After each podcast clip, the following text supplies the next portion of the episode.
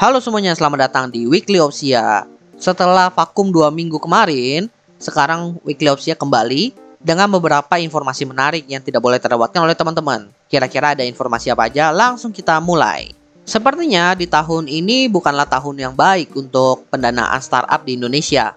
Di mana pendanaan startup di Indonesia tahun ini, lebih tepatnya di quarter to quarternya, turun sebesar 41% dan untuk tahunannya atau year on year-nya itu turun sebesar 55%. Tapi tenang dulu ternyata penurunan ini bukan hanya terjadi di Indonesia, tapi di seluruh Asia Tenggara, di mana persentase pendanaan startup di Asia Tenggara pada kuartal 1 di tahun 2023 ini turun sebesar 25% kuartal to quarter atau 52% year on year-nya.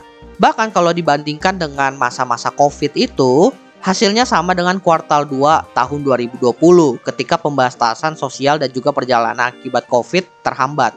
Penurunan ini disebabkan karena investor menganggap bahwa banyak perusahaan startup itu yang saat ini sudah masuk ke putaran pendanaan yang dinilai terlalu tinggi tapi belum tumbuh dari sisi valuasi. Menurut CEO MDI Ventures, Donald Wiharja, bahwa startup itu harus fokus pada inti bisnis dan juga rencana bisnis dan ia juga mengkaji bagaimana pendiri perusahaan startup itu mengatasi tantangan minimnya pendanaan. Menurutnya kalau perusahaan itu tidak lagi mendapatkan pendanaan, maka startup harus menggait yang lebih banyak dari pasar. Karena balik lagi, investor itu tertarik pada startup yang udah untung dan memiliki runway yang panjang. Ya menurut gua hal ini wajar banget ya untuk para investor. Karena memang di dunia startup ini, terlebih di Indonesia itu permainan valuasi itu udah kelamaan. Di mana banyak startup itu punya valuasi tinggi tapi sampai sekarang belum bisa menghasilkan profit. Bahkan sampai bertahun-tahun. Jadi wajar aja lah kalau investor itu akhirnya gerah dengan konsep pendanaan seperti ini. Ya kita lihat aja lah ke depannya startup-startup apa aja yang bakal muncul di mana sudah menerapkan konsep yang berbeda di mana bukan permainan valuasi lagi tapi udah benar-benar profitable dan juga runway-nya lebih panjang. Next, masih terkait investment, tapi kali ini dari sisi investor, venture capital global yang membentuk aliansi. Di mana aliansi modal ventura yang terbentuk di sini berasal dari 20 perusahaan. Nama aliansi ini atau perhimpunannya disebut Venture Capital Alliance. Di mana perhimpunan ini dibentuk untuk berinvestasi pada solusi teknologi di sektor perubahan iklim. Aliansi ini pun membuat panduan wajib untuk para anggotanya untuk memastikan portofolio mereka itu memenuhi target net zero emisi di 2050. Panduannya ini tentang bagaimana mereka itu harus mendekarbonisasi operasional mereka. Salah satu contohnya dengan cara menggunakan pusat data bebas emisi, menerapkan perangkat lunak yang efisien, hingga membangun kembali rantai pasokan rendah karbon. Jadi ini sebenarnya lebih ke arah aliansi untuk funding startup-startup yang fokusnya itu udah ke emisi karbon. Jadi kalau kalian punya startup yang bergerak atau berhubungan dengan emisi karbon ini dan sedang mencari pendanaan, kalian mungkin bisa menghubungi aliansi ini. Karena memang sih belakangan ini isu lingkungan menjadi isu yang dibahas di dunia. Bahkan perusahaan-perusahaan besar saat ini banyak yang udah merubah operasional mereka untuk mendukung keberlangsungan lingkungan hidup juga. Dan gue nggak sabar sih melihat startup-startup apa aja yang muncul bergerak di bidang lingkungan hidup seperti ini.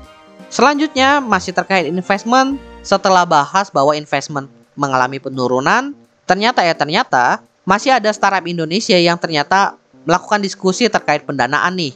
Startup ini adalah e-Fishery, di mana mereka itu dikabarkan tengah berdiskusi dengan perusahaan teknologi kerajaan Abu Dhabi, yaitu G42.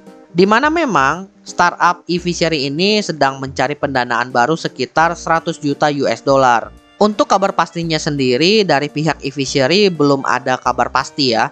Tapi kalau investment ini benar-benar terjadi, maka dananya ini nantinya akan digunakan untuk mendorong ekspor produk perikanan dan kelautan dalam negeri. Selain itu akan dipakai juga untuk membiayai kebutuhan modal kerja dalam mendukung pertumbuhan penjualan dalam negeri. Well, e-fishery ini cukup menarik ya karena ini adalah startup yang bisa dibilang sebelum mendapat pendanaan pun dia itu udah mendapatkan untung. Gua rasa nantinya e-fishery ini akan menjadi patokan untuk startup-startup baru yang memang menerapkan konsep startup yang mengejar profit. Di mana kalau sebelumnya itu startup yang mengejar valuasi itu kan patokannya dari Goto dan juga Grab di Indonesia ya. Dan mumpung sekarang pandangan investor itu berubah, lebih mengutamakan startup yang mengejar profit, maka e-fishery ini bisa menjadi pembelajaran untuk para founder startup ke depannya. Jadi yang dikejar itu profitnya dulu, kemudian valuasi mengejar belakangan. Sekarang kita pindah kategori, kita akan membahas fitur baru dari aplikasi yang ada saat ini. Dimulai dari WhatsApp, di mana WhatsApp itu resmi meluncurkan fitur multi perangkat yang memungkinkan pengguna itu menggunakan satu akun WhatsApp di empat handphone sekaligus. Caranya gimana? Caranya itu mirip banget sama ketika kita menghubungkan WA kita ke WhatsApp web, yaitu dengan scan QR. Menurut gua sendiri, dengan memungkinkan satu akun itu bisa diakses ke beberapa device, itu mempermudah kita sebagai user. Cuma yang gua cukup concern di sini memang adalah dari sisi keamanan datanya. Di mana biasanya kalau kita linking satu akun itu biasanya beda tipe device-nya. Misalnya satu akun ini ada di HP, satu akun ini juga ada di laptop. Agak jarang satu akun itu ada di beberapa handphone. Apalagi untuk bisa menghubungkan akun ini dengan device yang lain atau smartphone yang lain, caranya itu gampang banget.